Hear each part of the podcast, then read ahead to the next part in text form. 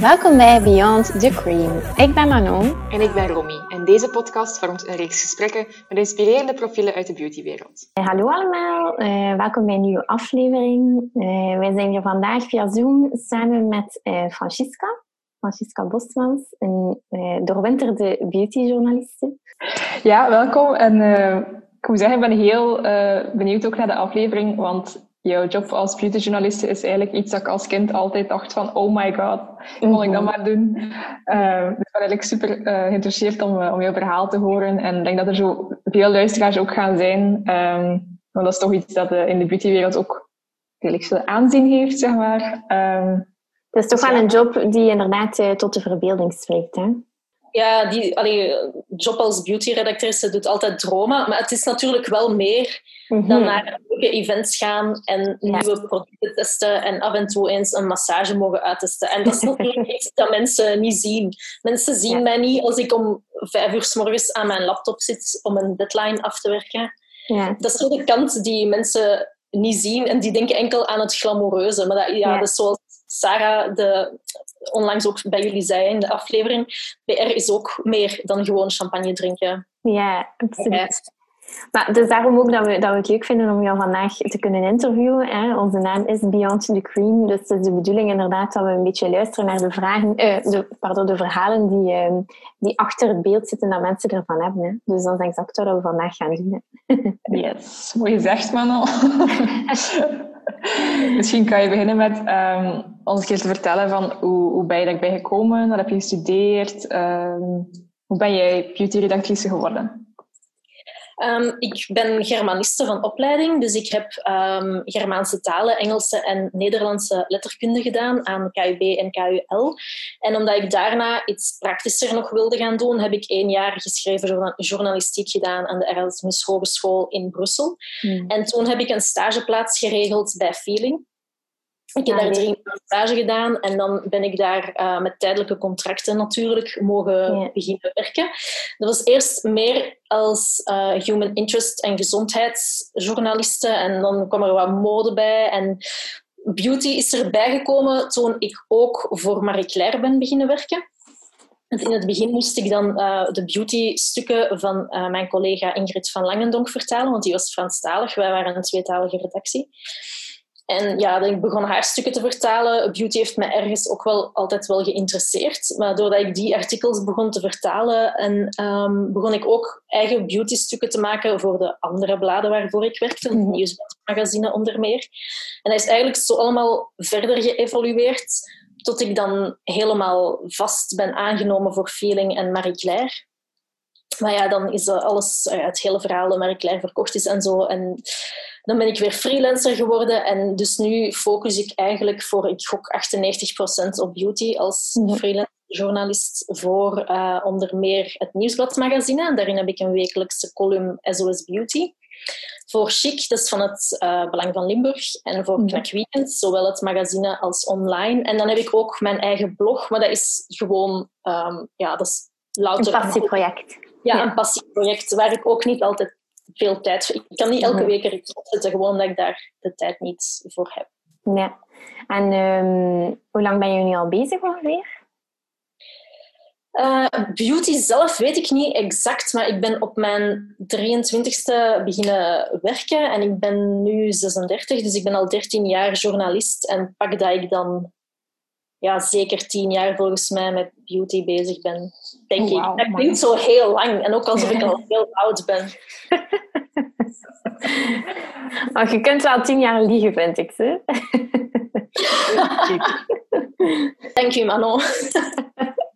Alles smeren heeft toch, heeft toch iets goed gedaan al sinds. En de pil nemen, hè, dat, werkt, eh, dat helpt naar het schijnt ook wel. Wat? Je huid beter ja? Ja. Nee, dat heb ik nog nooit gehoord. Allee, wel voor acne en zo, maar niet uh, qua, qua aging. Ik weet dat een PR ooit tegen mij zei dat hij merkte wanneer zijn vrouwelijke collega's van de pil waren gegaan om zwanger te worden, omdat die hun huid er veel slechter uitzag. En dat kan inderdaad wel, hè, dat als je met de pil stopt, een ja. tijd acne en zo.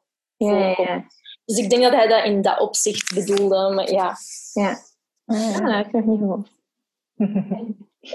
misschien, uh, nu dat we bezig zijn over hoe lang dat je al bezig bent, ehm, heb, je, heb je beauty-journalistenlandschap, wat een woord, veel zien veranderen ehm, in die tijd? Ja en nee. de beauty, ja, er zijn natuurlijk een paar beautyjournalisten die eruit zijn gegaan. En zo heb ik goede lijsten opgevolgd bij mhm. Feeling, omdat die dan meer met haar yoga en zo wat bezig zijn. Maar ik vind wel, ja, er komen natuurlijk elke dag nieuwe jonge mensen bij. Maar mhm. zo de echt vaste kern van beautyjournalisten die je bij een, aan een magazine koppelt, dat is wel al heel lang dat dat dezelfde mensen zijn, vind ik. Ja, ja. het hele influencer-gedoe is er wel bijgekomen. Mm Maar ik bedoel, met gedoe niks negatief ook niet voor alle influencers mij gaan haten. maar ja, toen ik begon, was dat nog helemaal niet. Niet zo dat er op een event en journalisten en influencers waren. En nu is dat ja, bijna altijd wel het geval. Ja. Heeft dat naast uh, events nog invloed op je job? Het influencen. Ja. Het influencerlandschap. Ja ik denk dat wij als journalist zelf ook een soort van micro, micro, micro, micro, micro, micro-influencer zijn geworden. Want wij hebben geen uh, tienduizenden volgers. In België zijn er toch, ehm, denk ik, bijna geen beautyjournalisten met superveel volgers. Mhm. Maar ik merk wel op Instagram bijvoorbeeld dat er mensen mij wel om advies vragen en mhm. graag hebben dat ik nieuwtjes en zo met hen deel of mijn mening over producten geef. En dat die mij ook wel dan ja, die, die volgen mij echt daarvoor, voor de informatie die je geeft. Dus op dat vlak zijn social media een soort extra medium geworden naast uw magazines. Ja.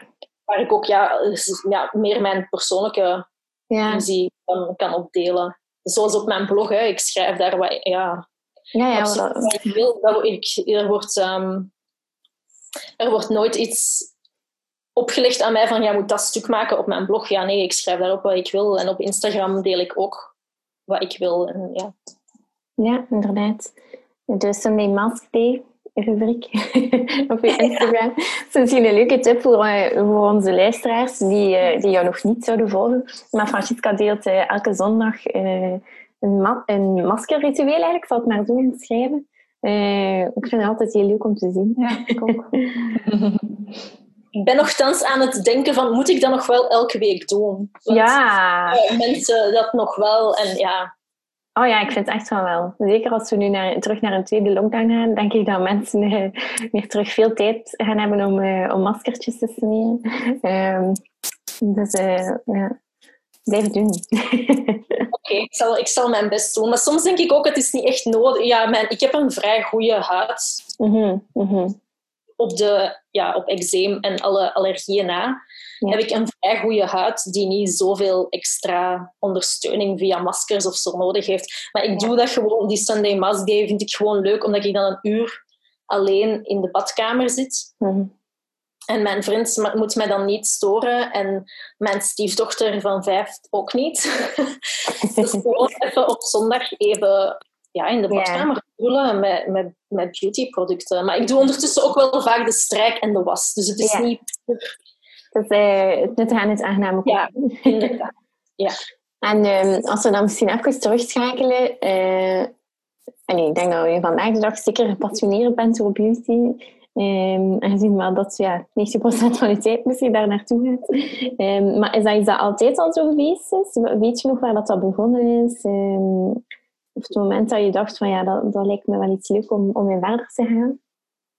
Het was niet zoals bij Romy, dat ik als kind al droomde van oh, ik wil beautyjournaliste worden. Ik denk als mhm. kind wilde ik archeologe worden en um, mummies en piramides opgraven.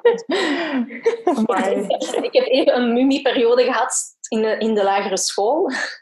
En dan ik wel in het middelbaar en het zesde leerjaar wist ik al wel, ik ga Latijn moderne talen doen en daarna ga ik iets met talen doen. Dus dat wist ik al wel. En zo dat schrijven zat er ergens ook wel in, want ik heb in de lagere school ooit um, een soort verhaal gemaakt over de duinheks en de dinosaurus, wat ik nog steeds een supergoed idee vind, met ook tekeningen bij. Dus ik schreef al wel zo wat verhaaltjes en van die dingen. En beauty, eigenlijk ben ik daar wel altijd door geïnteresseerd geweest. Ik denk dat ik 12 of 13 was toen ik mijn eerste. Uh, ik denk dat het eerste dat ik heb gekocht ooit een lippenstift was van Theatra. Volgens mij bestaat dat merk ook niet meer. Dat was een Nederlands make-up merk volgens mij dat ik bij die kocht. Want ja, ik ben van Brussel. Dus bij mij was het geen kruidvat. Ik ging naar die. Ja. En om de een of andere reden had ik dan een goudkleurige metallic lipstift gekocht. En ik dat dan wel mooi vond. En ik heb ook wel mijn allereerste mascara, was een bruine mascara. Ik zie die verpakking nog voor mij, van Bourjois. Ja. Specifieke um, mascara maken ze niet meer. En dan, ja, op school mocht mochten wij geen make-up dragen, als ik het mij goed herinner, in, het, uh, in het middelbaar. Dus ik denk dat ik af en toe zo wel wat bruine mascara aan had, dan dat dat niet zo hard opviel. Mhm. Heel gewaagd. Geleken, ja, geleken met nu, als ik nu zo ja, tieners aan school zie staan, denk ik, amai, zo mochten wij niet... Uh, dat rondlopen op school. Maar dus het heeft er ergens altijd wel in gezeten. En ik heb ook altijd wel ik ben ook altijd geïnteresseerd geweest door mode. En dat hangt voor mij wel samen met beauty ook. En door ja, oude Hollywood glamour, dus zo die rode lippen en eyeliner of zo'n Audrey Hepburn look of een Brigitte Bardot, dat heeft er altijd wel in gezeten. Dus op mhm. dat vlak denk ik wel dat het logisch is dat ik beautyjournaliste ben geworden. Ja, ik heb ook al heel mijn leven last van eczeem. Ja. Hoe je daarmee moet omgaan en zo. Dus dat, de, de interesse in huidverzorging zit er dan automatisch ook wel in. Omdat ja, als eczeempatiënt moet je wel bijna ja, alles van ja. je huid goed verzorgen. Ja, ja, ja. Dat is iets waar ik me ook, uh, ook vaak afvraag, of dat ik nog niet goed weet. Uh, als je beautyjournalist wordt, het is niet dat je uh, een beautyopleiding krijgt of zo. Hè. je rolt daar een beetje in, denk ik. Ben jij daarmee omgegaan? Dat je, allee, ja, dat je toch die, die kennis opbouwt. Of, um, ja. We hebben daar onlangs, toen wij zijn geïnterviewd door, door Weekendknok, um, het ook over gehad van waarom dat beauty eigenlijk zo'n onderwerp is dat, vaak, uh, dat journalisten vaak moeilijk vinden om over te schrijven. En dat dat net is omdat ja, dat je toch ergens wel een, een, al een, een goede basis aan kennis moet hebben. Uh, omdat je ook geen verkeerde dingen wilt zeggen. Ter, uiteindelijk, allez, zeker als je het over skincare hebt, of ja, ook zelf over make-up, is er toch wel allez, een groot wetenschappelijk deel aan. Of, ja, er, is, er zijn toch wel een aantal dingen die je moet wezen. En dat veel journalisten zoiets hebben van, goh, ik ga er niet aan beginnen, want dat is te moeilijk. Um, ik weet niet hoe jij daarover denkt. Maar je bouwt die kennis op. Ik denk dat, ja, ik vertaalde natuurlijk dan ook al artikels van Ingrid, die al wel een paar jaar, of ja, ik weet niet hoeveel jaar al beautyjournaliste was. Ja. En bij Feelings dat Goedele dan ook nog. Ja. En dan, ja, dan begin je naar persconferenties te gaan, dus daar krijg je ook meer en meer uitleg. En ik denk ook dat de eerste artikels die ik schreef, dat je die waarschijnlijk niet kan vergelijken met wat ik nu maak. Ik had mm. toen niet mijn artikel over um, contactallergieën dat ik voor Knak Weekend heb gemaakt, ik had dat toen waarschijnlijk ook niet kunnen schrijven. Ja, ja. Gewoon omdat je die kennis niet hebt. Maar je leert gewoon heel vrij snel heel veel bij via persconferenties en ja, ook gewoon door op internet andere artikels uit het buitenland en zo te lezen of eens een boek over huidverzorging of zo erbij te halen. En mensen te interviewen hè, die in het vak zitten en die hun kennis met u delen. Maar ik denk dat dat of het nu beautyjournalistiek is of dat jij politiek correspondent bent. Ja. ja, dan moet je ook... Je moet, je moet in elk vakgebied een ja. kennis hebben, denk ik. In mode ja. moet je ook al zekere kennis hebben van welke merken er zijn en wat trends zijn voordat je daarover kan schrijven.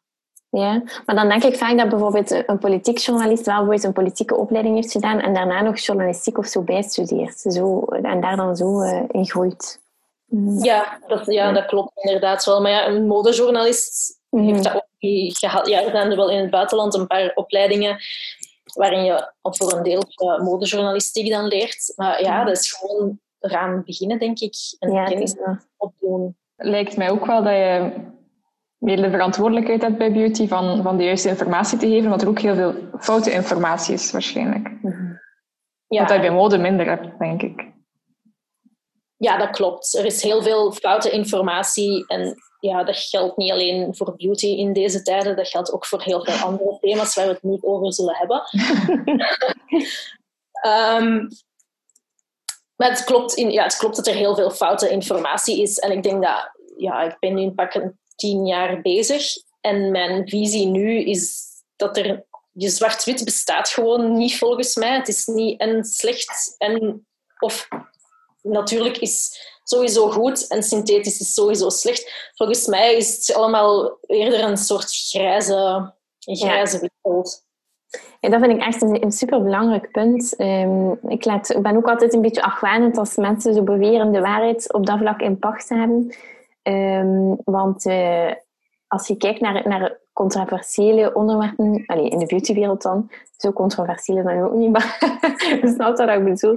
Maar zoals uh, parabenen of uh, phenoxyethanol of andere dingen, als je zelf al een keer je onderzoek doet uh, en dat gewoon een keer googelt, dan kun je al uh, eh, 50 studies vinden die zeggen dat parabenen niet schadelijk zijn. En je kunt ook 50 studies vinden die zeggen dat parabenen wel schadelijk zijn. Dus ik heb altijd zoiets van, als de wetenschap um, het eigenlijk ook nog niet 100% over eens is, hoe zouden wij in godsnaam dan kunnen weten uh, wat dat nu eigenlijk de waarheid is? Um... Ja, dat klopt. Maar het probleem is ook met al die wetenschappen... De ene wetenschappelijke studie is niet de andere wetenschappelijke voilà. En dat is vaak ook het probleem. Die ja. ene studie waarin professor Darbre zegt dat parabenen in borstkanker, um, in borstweefsel zijn gevonden van mensen die borstkanker hadden en dat dat van deo, deodorant kwam, dat klopt gewoon niet. Heel die veronderstelling klopt niet. Die heeft zich later ook gecorrigeerd. Alleen is het jammer dat de beautywereld zo dom geweest is om daar op de te springen en alle parabenen overal uit te halen, terwijl er eigenlijk op dat vlak niks was om meteen bezocht over te zijn. Ook al niet omdat er in deodorant geen parabenen zitten, dacht ik. Mm En ja, de EU onderzoekt ook constant nog parabenen. Hè. Dus er zijn de, de gevaarlijke parabenen zijn al verboden in ja, Europa. In Europa. En die, er blijft wel onderzoek naar gebeuren om te zien, kan het nu kwaad of niet? Het geval van parabenen bij mij ik heb mij daarbij neergelegd. Het zijn potentiële hormoonverstoorders met de nadruk op potentieel. Dus als dat in hele, hele, hele grote hoeveelheden in je lichaam terechtkomt, ja, dan kan je daar eventueel kanker van krijgen. Maar het is ook niet zo dat 60% van alles wat je op je lichaam smeert in je huid, dat in je lichaam terechtkomt, want dat wordt ook vaak beweerd. Want als dat klopt, dan weeg jij na elk bad dat je neemt ook 15 kilo meer, want dan heb je al dat water opgenomen. Ja. Mensen willen ook bevestiging vinden van dingen die zij geloven. En dat is bij alles zo, dat is niet alleen bij beauty.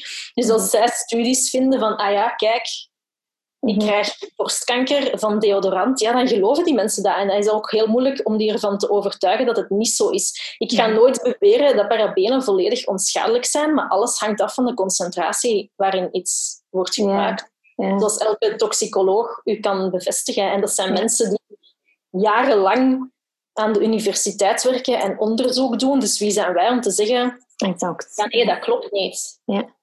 En soms vind ik het ergens ook um, hypocriet of zo, dat mensen daar dan zo over ineens in, in, een, um, in een crisis schieten of zo, maar dat, daar dan wel bijvoorbeeld, uh, zeg maar iets, elke dag junkfood eet of, uh, of rookt. Of, uh, en ja, dat is dan zo, het wordt dan zo gemakkelijk om dan zo de, de beautyproducten daarvoor te, te um, uh, de duivel te maken of zo, maar dan eigenlijk zelf je levensstijl is ook niet 100%, wat, dat, wat dat natuurlijk supermenselijk is. Hè? Maar ik vind soms dat je daar dan ook wel een beetje allez, consequent in moet zijn of zo. Ik weet niet. Ja, en wat parabenen betreft, dat zit ook in voeding, want dat zijn ja. bewaarmiddelen. En dat bijen maken parabenen, en parabenen dacht ik, ook in olijven en wortelen. Dus dat is, aan zich is dat iets natuurlijk. En dat is ook zo'n uitgebreide familie.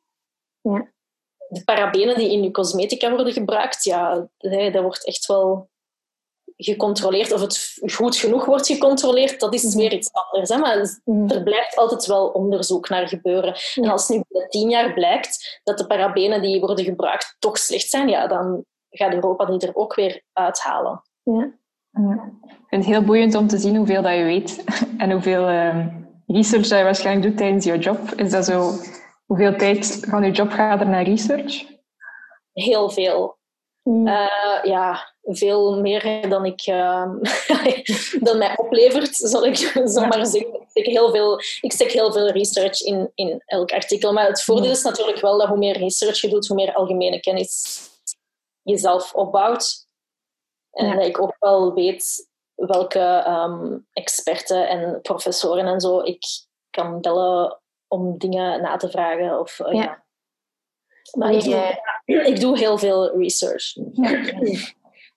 wie was ehm, de meest interessante gast die je ooit hebt geïnterviewd? Ah, dan moet ik nadenken. Ja, er zijn, ja, er, zijn er verschillende natuurlijk. Hè.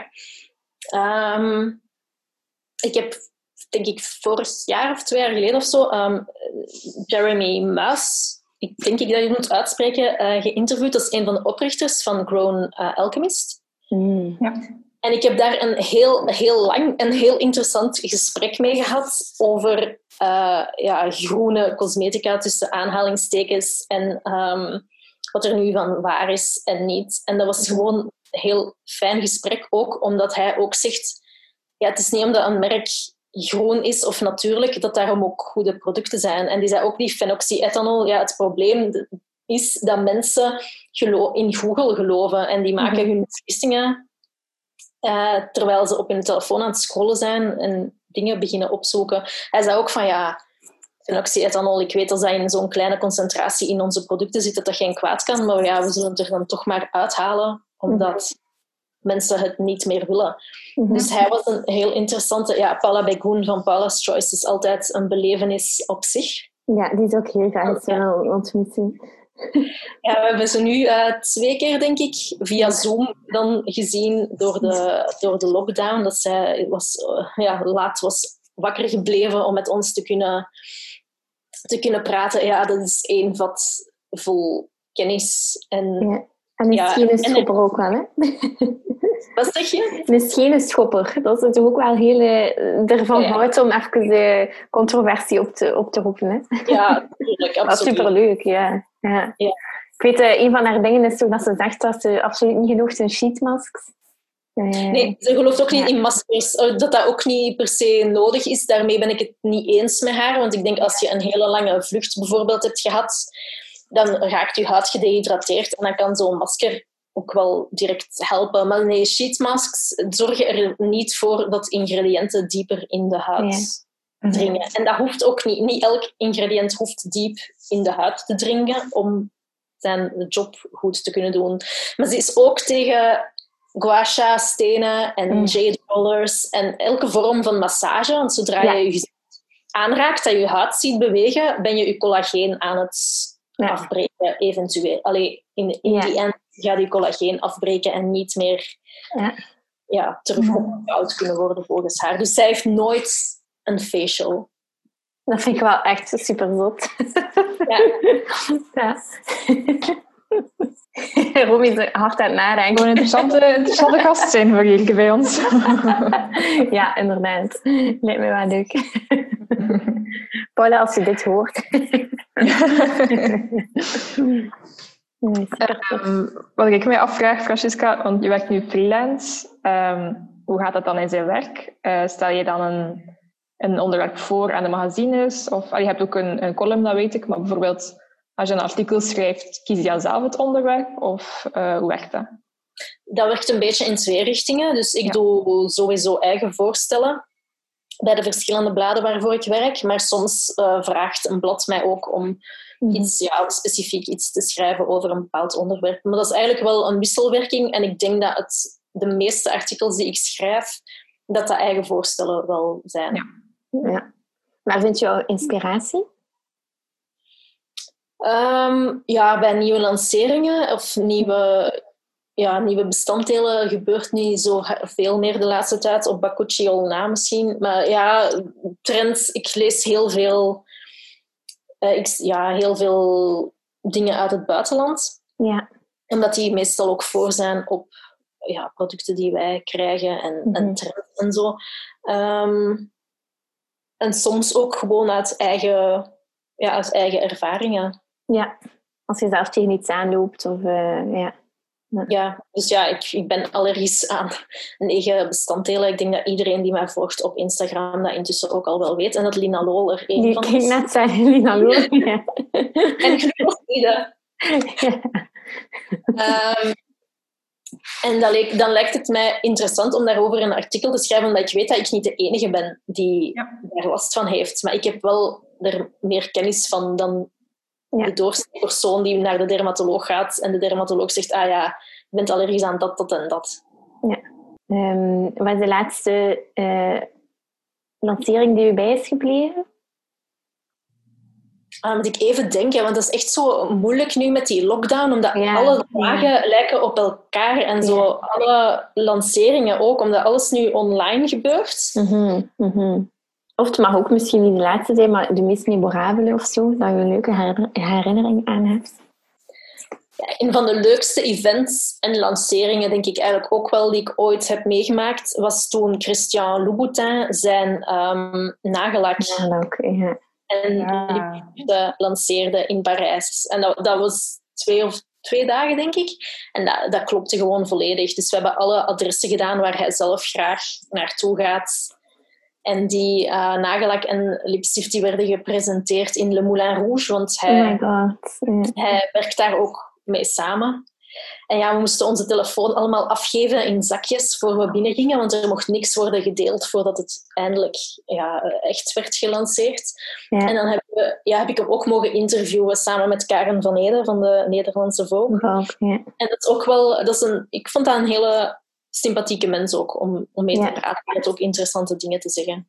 Ja. Dus dat is denk ik over heel mijn carrière gezien zo'n een van de lanceringen en events die ik mij altijd zal herinneren. Super leuk. mooi. Ja. Want voor corona was, was reizen dan een groot deel van je job ook? Ja, hoewel het de laatste jaren al, ook al wel minder was, omdat ja, meer en meer aandacht en persreizen, ja, persreizen kan je dat al niet noemen, worden voor influencers ja. uh, georganiseerd.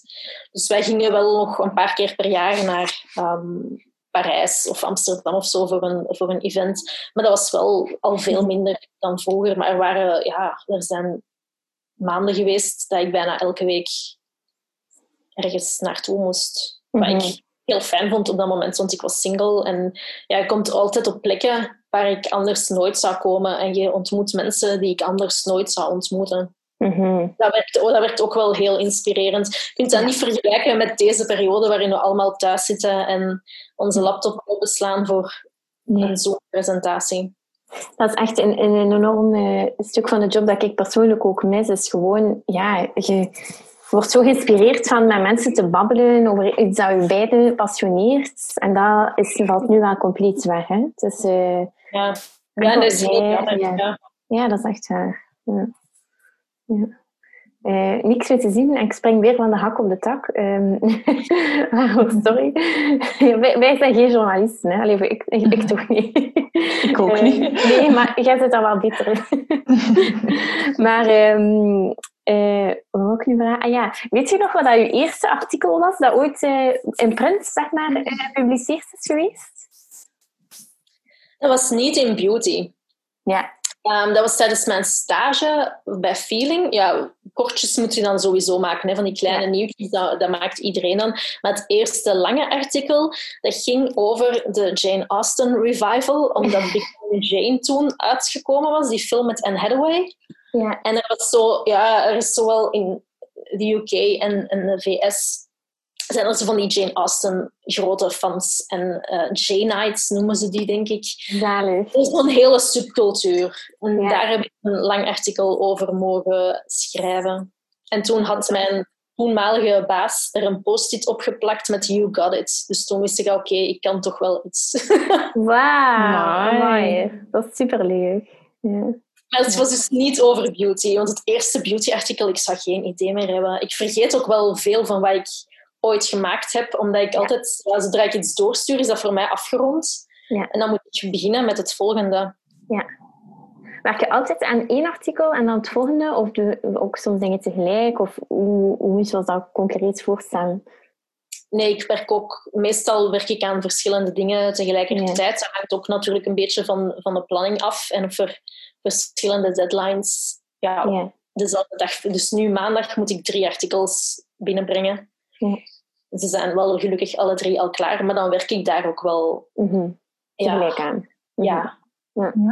Hoe ziet een werkdag voor jou er uh, gemiddeld uit? Uh, ja, de laatste tijd is dat jammer genoeg altijd een beetje hetzelfde. Dus uh, je laptop openslaan en dan met, een, met een kop thee bij en dan eerst altijd mails checken.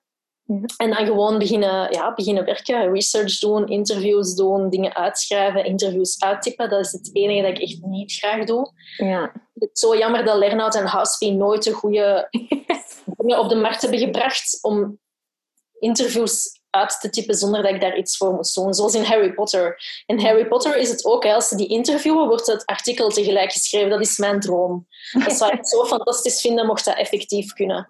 Er gaat zoveel tijd daarin. Ja. Ja, en dat is niet leuk. En dan moet ik ook naar, mijn, naar mezelf luisteren, wat ik vreselijk vind. Mhm. Mhm. En dan soms denken, oh nee, wat voor iets dom heb ik nu weer gezegd of zo. Dat is, dat is echt, ja, dat doe ik niet graag. Nee. Dus dat stel ik meestal dan ook altijd wel uit, tot ik het echt, echt, echt moet doen. Ja. Maar het is heel gevarieerd. Het, meestal doe ik in de namiddag dingen waar ik mij iets minder op moet concentreren. Mhm. Dingen die ik heel graag doe, die ik mee, zoals bijvoorbeeld mijn, mijn SOS Beauty column in het Nieuwsbladmagazine. Ik zie dat niet als werk. Dat is voor mij precies een hobby waarvoor ik betaald word. Superleuk. Ik schrijf daar echt in wat ik wil en dat wordt totaal niet, er wordt mij niets opgelegd of zo van, eh, van bij de redactie. Ja. En dat vind ik dan ook wel fijn als ik weet van, ah, ik ben een beetje moe of zo, of ik heb er eigenlijk geen zin in, dan weet ik wel als ik aan mijn column werk, dan Krijgt u weer energie. Ja. ja, dat, Ja. dat is zo. En dan doe ik de volgende dag wel verder met wat even niet lukt of zo. Ja, ja, ja. En dat is ook wel het voordeel aan het feit dat je freelance bent, is dat je je dag zelf indeelt en je dagen zelf indeelt waarschijnlijk. Hè? Ja, ja. freelance heeft, dat is het voordeel wel, maar ehm, ja, ik kan ook overdag naar de winkel, maar dat kan tegenwoordig iedereen, want iedereen is toch thuis aan het werken. Maar dat is inderdaad wel het voordeel. Maar het nadeel is wel dat je als freelancer nooit echt het gevoel hebt dat je werkdag stopt. Of dat een weekend een weekend is. Mhm. Ik werk soms ook in het weekend, omdat, ja, omdat het moet of zo. Omdat die grenzen... Er zijn geen grenzen. Mensen die ergens op een kantoor gaan zitten, die gaan naar buiten s'avonds en het werk is gedaan. Mhm. Maar ja, ik zit altijd thuis, dus voor mij is Ja. privé en werk zo'n beetje hetzelfde geworden. En ja, als freelancer heb je ook altijd schrik dat ehm, ze je werk aan iemand anders gaan geven. Mhm. Dus dat, dat helpt dan ook niet, van zo constant het gevoel te hebben dat je met iets bezig moet zijn. Terwijl Ja, het ja. eigenlijk wel oké is dat je één keer per maand zou zeggen, ik neem een vrije dag. Ja, inderdaad. Tuurlijk. Ja. Mis je soms collega's? Ja, Mhm. ja, tuurlijk. Ik denk dat dat bij iedereen die freelance werkt ook wel zo is. Heb ik daarom zin om elke dag op een redactie te gaan zitten? Zeker niet. Want ja, als je alleen bent, kan je beter focussen op bepaalde dingen. Hè. Maar ja, je hebt, je hebt geen koffieklets hè, om tien uur. Want Ja, dat is waar. En de hond, Ant, ja, de hond praat niet, hè. Die ligt gewoon te slapen. Anders zou het wel een beetje raar zijn, moest de hond wel praten. Zoals bij Samson.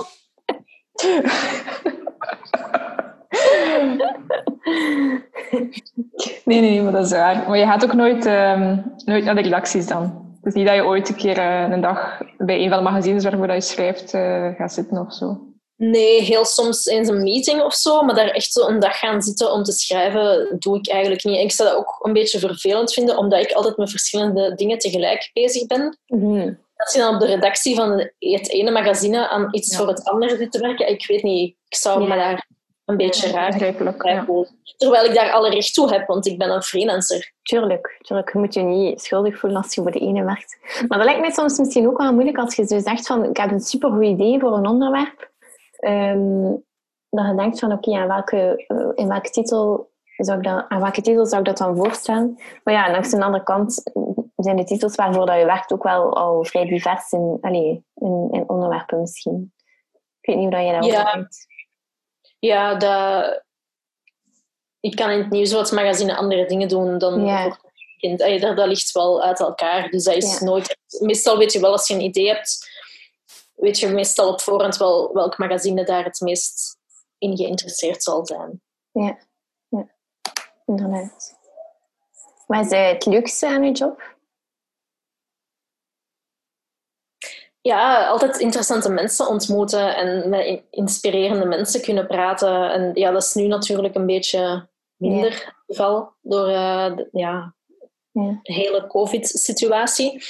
Maar dat vind, heb ik altijd het leukste gevonden. dat ik met ja, mensen kan praten waar ik anders nooit mee zou praten. Iemand die een parfum heeft gemaakt bijvoorbeeld. Niemand, ja, als gewone mens ga je niet zo snel met een neus zitten praten. Nee, dat is inderdaad waar. Heb je zelf zo inspiratiebronnen? Los van, van de interviews, maar ik zeg maar iets zo... Uh, journalisten, uh, beautyjournalisten uit het buitenland of uh, zo van die echte... Ja, sommige mensen zijn echt zo living legends bijna in het vak. Ja, ik heb sowieso volg ik al jarenlang Sally Hughes. Die heeft een column in uh, The Guardian. En ik heb die ooit echt ontmoet op een uh, Burberry-event in Londen, waar een nieuwe geur werd voorgesteld. En ik stond helemaal alleen. En ik dacht, oh nee, zou ik nu gaan, met haar gaan praten?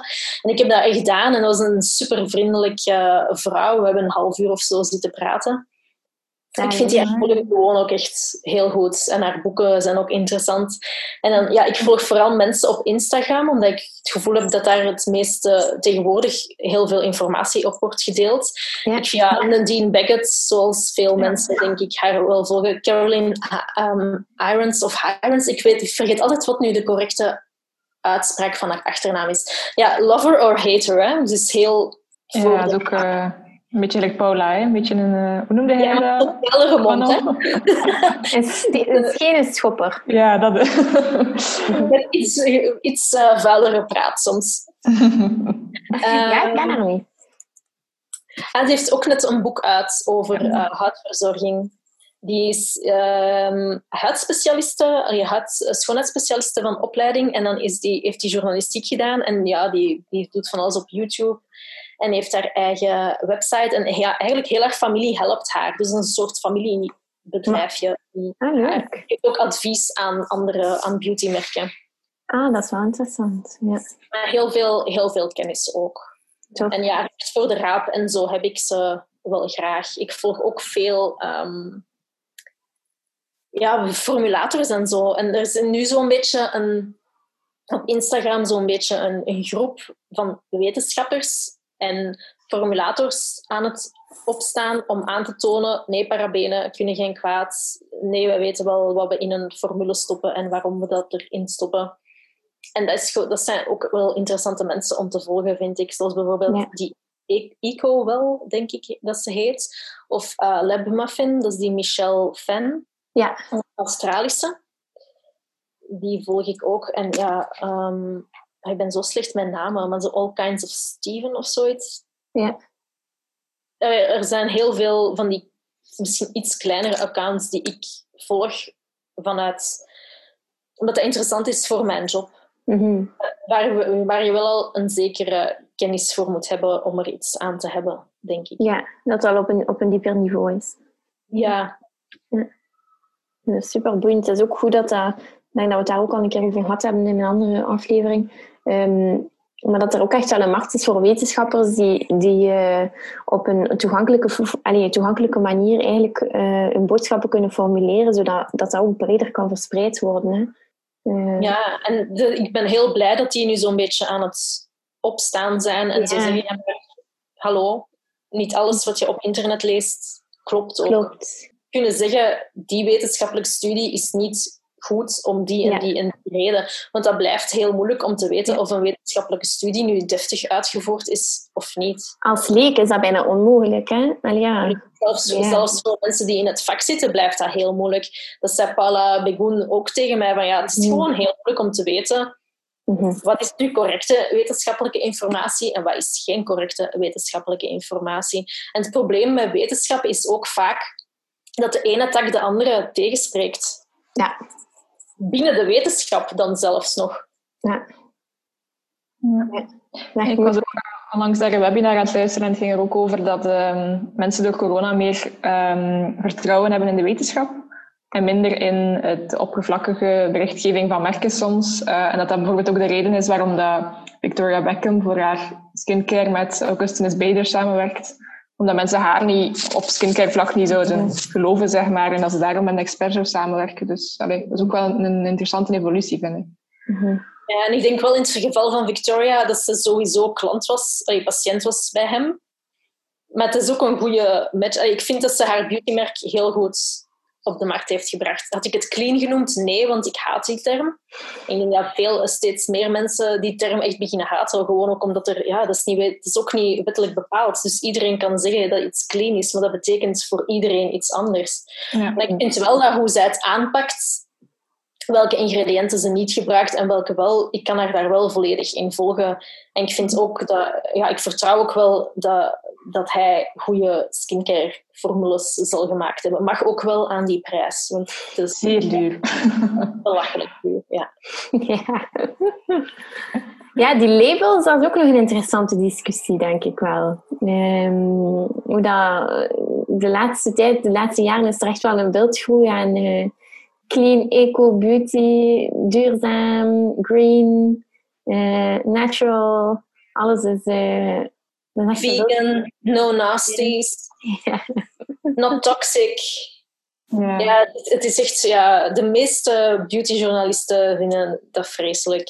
Mm -hmm. Ik denk dat het probleem vooral is, dat een van onze gasten ook zei, um, is dat dat gevoel heeft dat alle andere dingen niet clean zijn of niet non-toxic zijn. Of, uh, dat dat, vooral het probleem is. Dat is het hele probleem. Ja. Het hele, nu, dat is ook mijn probleem, vaak met heel veel groenere merkjes die zo over no nasties en not toxic en zo bezig zijn ik vind het geen goede aanpak om mensen angst aan te jagen. Zoveel angst dat ze uw product gaan kopen en niet meer kopen waar ze jarenlang tevreden over zijn geweest. Ja. Omdat ze denken, oh nee, ik ga er kanker van krijgen. Ja.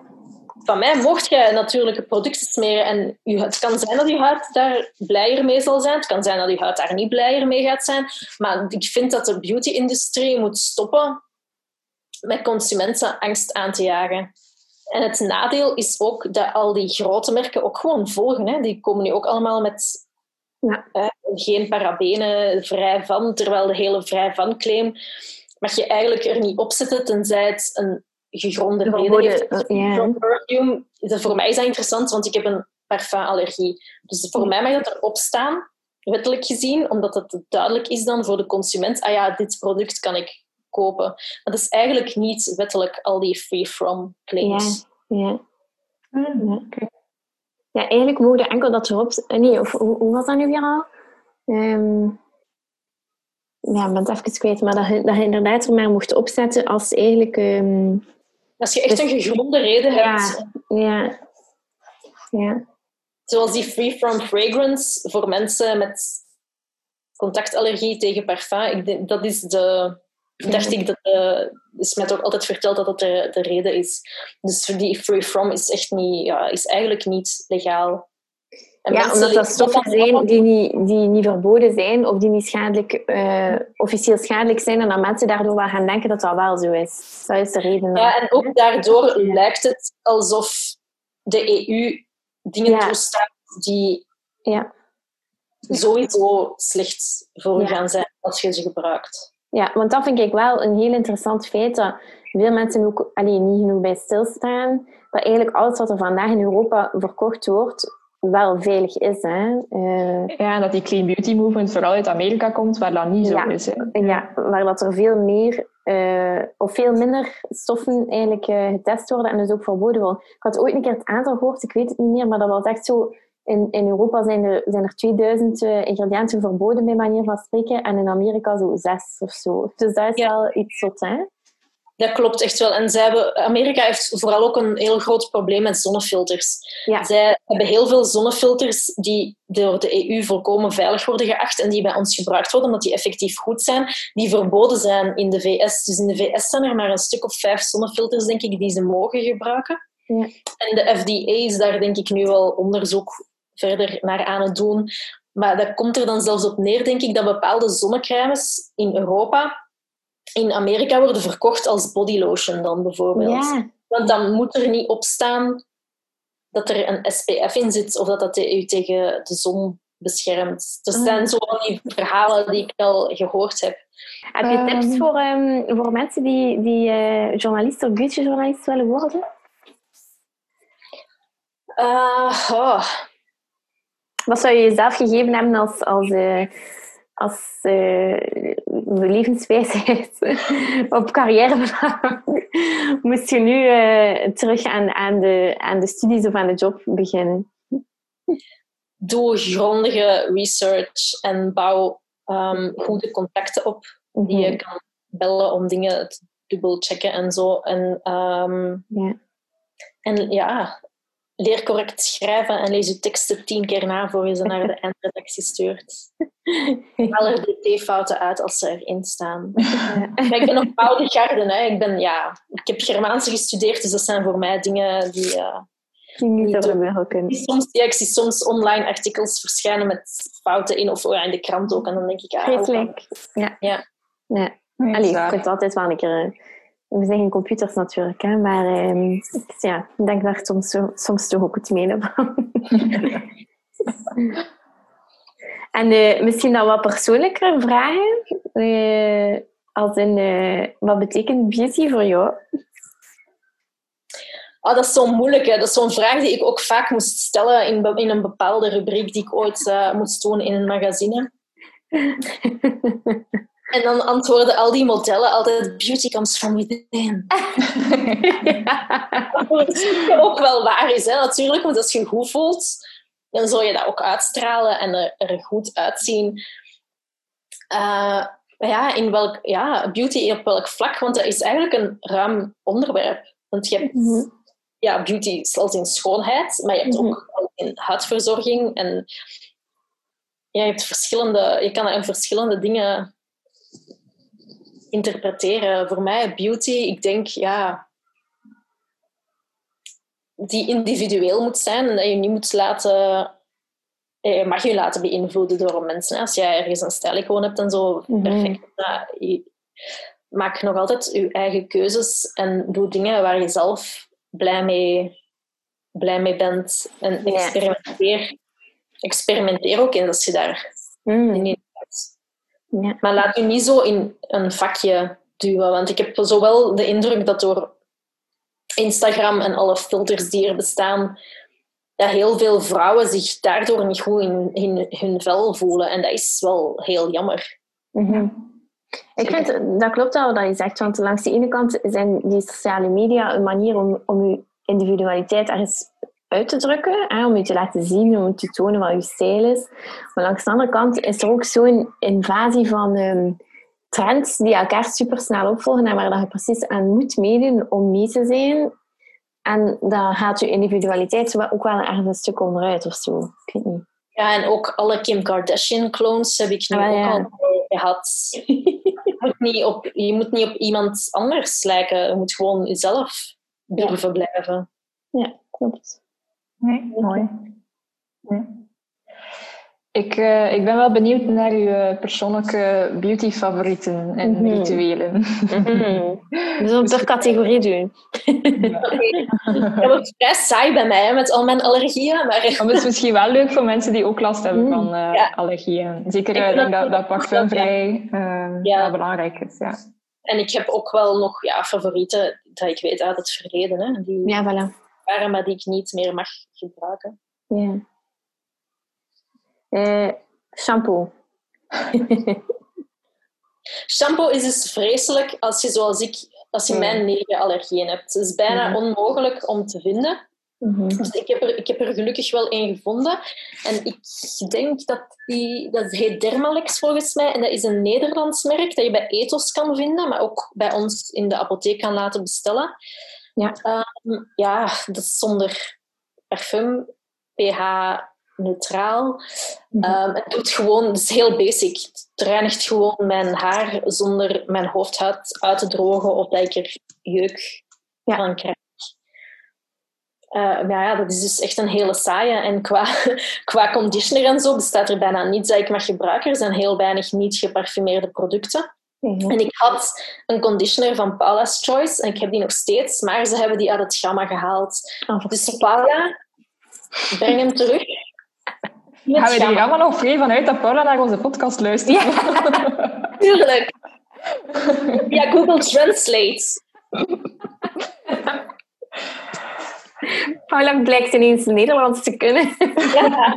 Het is wel een Nederlandse naam, hè, Paula? zou wel kunnen. Nee, het, kantoor in Nederland luistert misschien, dus dan kunnen we nog eens proberen te pushen. Ja, voilà. Want haar is heel moeilijk. Zo qua stylingproducten en zo is er eigenlijk niks dat ik Ja. mag gebruiken. En soms gebruik ik dan iets dat niet mag. Ja, Ook al mag dat dan eigenlijk niet. Ja. Want ja, vroeger, de Bumble- Bumble en Bumble ja, heeft de bekende surfspray, maar die hebben ook de olieachtige variant daarop, waarvan ik even de naam kwijt ben. En die vond ik geweldig. Dat kon ik op mijn haar spuiten en dan gewoon aan de lucht laten drogen. En dan had ik meer golven, maar zonder dat die pluizig waren. ja dat vind ik wel jammer dat ik dat Ja. niet, meer, ja, niet meer kan gebruiken. Ja, inderdaad. Mm, serum? Serum. Mm. Ik ben aan het denken wat ik momenteel aan het gebruiken ben. Momenteel gebruik ik eh, van SkinCeuticals de bekende CE Ferulic. Ja.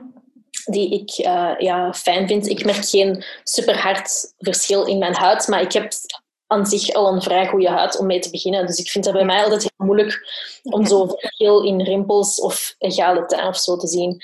Maar die gebruik ik om, ja, omdat er krachtige antioxidanten in zitten, die vitamine C, die ehm, helpen om uw vrije radicale schade door onder meer UV te verminderen. En een goede antioxidant onder uw SPF versterkt ook de werking van de zonnefilter. Ja. Momenteel gebruik ik die. Ehm, ja, ik denk een klassieker is Advanced Night Repair van Estée Lauder is ook nog altijd ongeparfumeerd. En denk ik dat heel veel mensen ook wel blij mee zijn. Heb ik in het verleden ook Mhm. gebruikt. En ik heb een flesje klaarstaan. Maar het probleem is dat ik al mijn producten ja, altijd opgebruik. Tenzij ik er slecht op zou reageren. Mhm. Dus ik gebruik heel lang hetzelfde product en dan pas schakel ik over op iets anders. Mhm. Ik wist niet dat hij niet geparfumeerd was. Nee, dan niet. In de, de andere producten in de Advanced Night Repair lijn, daar, zit, daar zijn er wel dingen bij die parfum bevatten, maar het serum is bij mijn Mm. weten nog steeds geparfumeerd, ook, eh, niet geparfumeerd, ook in de nieuwe, want het is weer aangepast. Ja, ja, ja. In de nieuwe formulering. Want die heeft al een supergoeie geur, maar dat is dan gewoon eh, de ingrediënten. Ja, dat zijn ja, de bestanddelen, dus ja. Ja. Ja, leuk. Ja. Ja, tof. Ehm, welke maskertjes gebruik je op dit moment in je Sunday mask ritual? Wat ga je deze zondag gebruiken? ja. Dat weet ik nog niet. Ehm, meestal bepaal ik dat pas de dag zelf. Maar ik moet wel Ja. zeggen dat ik de laatste tijd heel veel dezelfde dingen gebruik. Dus ik, ja, ik reinig eerst, dan doe ik iets van peelingachtig en dan meestal kalmerend of hydraterend. Dus ja, ik vind een moisturizing moon mask van Glossier heb ik gekocht. ja. Want eh, ja, dat is hier ook nog niet verkrijgbaar. En dat blijft eigenlijk wel een goed Is dat? masker. Kan jij Ja, de mijne, de mijne is op en ik wil hem terug. maar- Is het waar? Mijn huid zuigt dat echt op. Dus Ja. ik breng dat in een dikke laag aan en na nog geen 20 minuten heeft mijn huid dat echt volledig opgezogen. En het ehm avocado-masker van Kiehl's vind ik ook een hele fijne, ook om Ja. uw huidbarrière ehm, ja, gezond en sterk te houden. Dus meestal gebruik ik één van die twee. Ja. Wat zijn nog goede maskers? Ja, ik vond van peelend masker vond ik het White Willow Bark mask van Nanique, het Belgische merk dat je bij de schoonheidsspecialisten koopt, vond ik een heel fijn, omdat dat een zacht peelend masker is, dat je zelfs heel de nacht kan laten zitten, dacht ik, als je wil. Dat voor elk huidtype wel kan. Dus dat is interessant als kuur bij acne. Ja. Omdat die, ja, dat is een vorm van ehm salicylzuur, die White Willow Bark. Ja. Maar ook een gevoeligere huid, zoals ja, de mijne. Ik ben niet, die is niet super gevoelig, maar die reageert wel makkelijk. Die Ja. kan daar wel tegen. En ik kan niet tegen elk zuur. Dus ik, Ja. mijn huid heeft liever salicylzuur dan glycolzuur, terwijl ik geen vette huid heb. Ja, Ik denk, met zuren moet je echt testen dus proberen, wat ja. er kan en wat er, ja, wat er niet kan. Er zijn echt dingen die mijn huid niet leuk vindt. ja. Heb je lievelingsingrediënt? Dat is een diehard beauty vraag, hè? Ja. We like. ja, hyaluronzuur, vitamine C, niacinamide, Ja, Ceramide. Ja. glycerine, Glycerine is echt zo'n onderschat bestanddeel, maar dat zit in zoveel producten en dat helpt ook echt. Ja, dat klopt. Dat is een beetje de, ja, ik weet niet hoe dat moet omschrijven, maar zo de huistuin- en keukeningrediënt of zo. Snap je wat ik bedoel? Zo super basic, maar toen wel echt wat dat moet doen. ja, dat is, er zit in zoveel dagcremes en bodylotions en andere, andere dingen.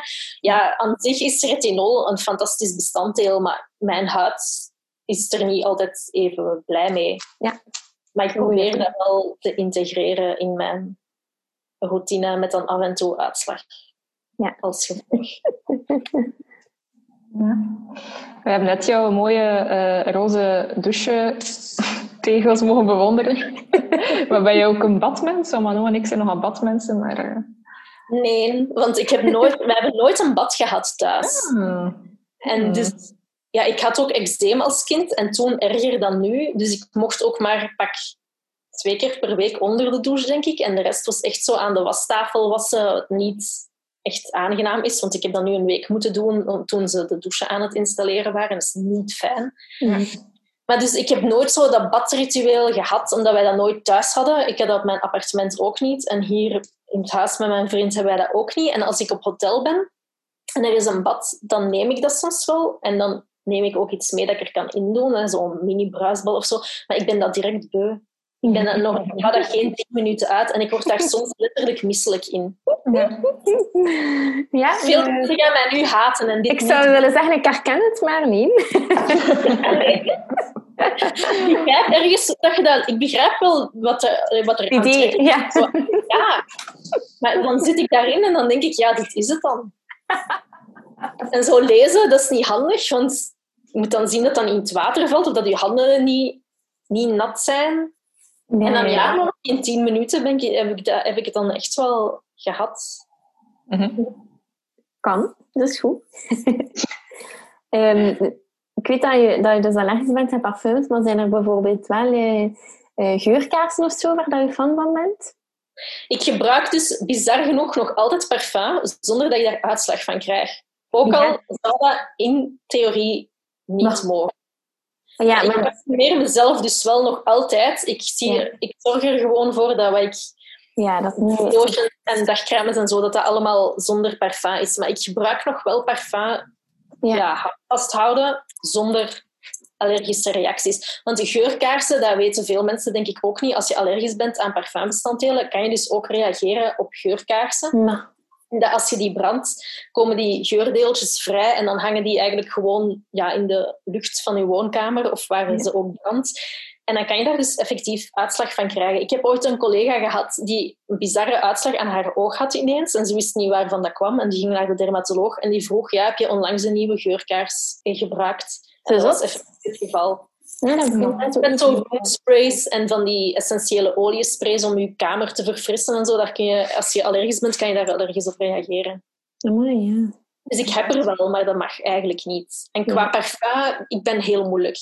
Mhm. Ik ruik niet graag wat de doorsnee vrouw graag ruikt. Mhm. Ik begrijp dat hij dat lekker vindt wel, maar dat is gewoon niks voor mij. Dus een van mijn favoriete geuren, maar die wordt niet meer gemaakt, ook al niet, is Ombre de Hyacinthe van Tom Ford. Mm.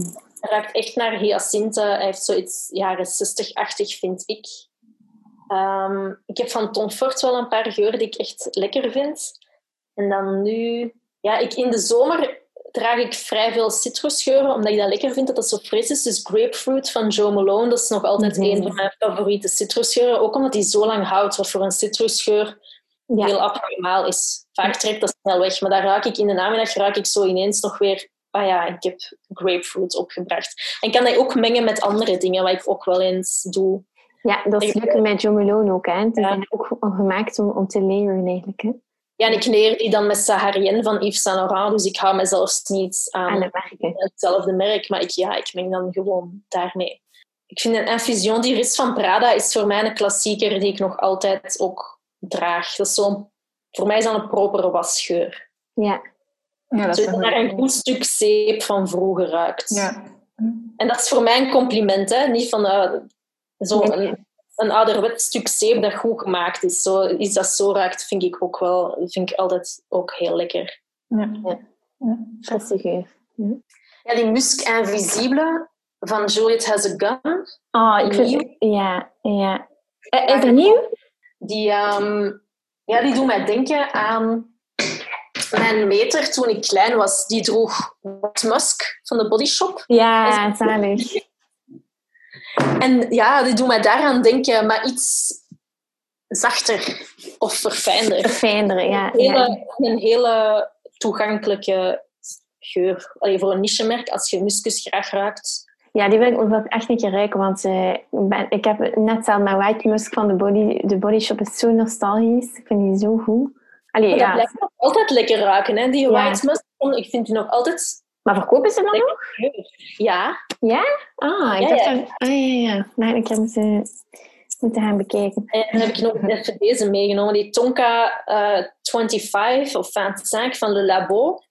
Ah, ja, ja, ja. ja. Die draag ja. ik ook, maar dat is een hele speciale. Ja, Ik redelijk. heb vaak ook zo graag van die kruidige, groene geuren die zo doen denken aan een herfstwandeling in het bos als het net geregend heeft. Dat, zoiets, dat dat ook zoiets mossig heeft. Ja. Oeh, mooie beschrijving. En Missia van Chanel vind ik ook. Is ook De welke altijd- van Chanel?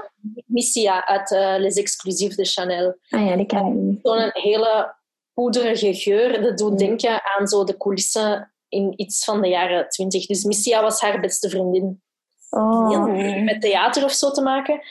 Was er geen balletdanseres? Ah, Dat weet ik dus niet meer. Dan moet, je, dan moet iedereen maar eens googelen. Maar dus was de beste vriendin van Chanel. En dan is er nu een geur een paar jaar geleden gelanceerd in Les Exclusives de Chanel. Ja. Dus die kan je in de Chanel-winkel kopen of Ja. online. En dat is heel poederig en warm. Dat is zoiets dat ik in de winter draag.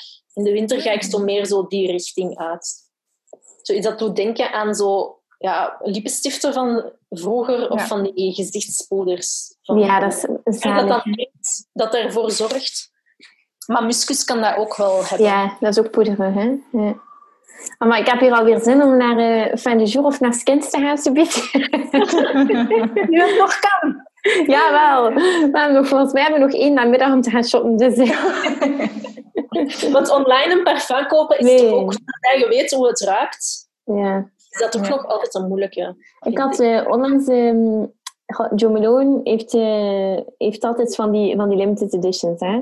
En je weet wel dat die waarschijnlijk wel goed zijn. Eh, en Ja. onlangs hadden ze zo lavender en... een hele collectie met lavendel, denk ik. Ja, Ja, lavendel en koriander onder. Koriander, ja. Het was een andere dat ik gezien had en ik dacht, ehm, ja, lavendel is iets wat, wat iedereen super graag ruikt. En het was er nog iets bij dat ik dacht, ja, ga dat kopen zonder te ruiken. Want ik was naar eh Saint-Jean d'Ailleurs geweest in Brussel, maar dat ze allemaal niet meer. Was allemaal uitverkocht. En ik kreeg die thuis en dat was nu een keer zo anders dan ik dat verwacht had. Eh, ze is totaal niet zacht, dat was, allee, totaal niet vrouwelijk, eerder zelfs echt een unisex geur. Ehm, en in het begin dacht ik, oh nee, ik heb me echt miskocht. Maar dan dacht ik, ja, ik ga dat nu toch een keer aandoen, want ik kon dat, dat flesje toch niet laten liggen. En ik ben er echt verslaafd aan geworden. Eh het flesje is al op, ja. Eh, Maar en soms dat- moet je echt wennen aan een nieuwe geur. Ja. Hè. Dat je In het begin denkt, oh nee, dat is niks voor mij. Maar dan, ja. ja, Of omgekeerd. Dat je denkt van, eh, love it, en dan na een tijdje dat je denkt, Ja.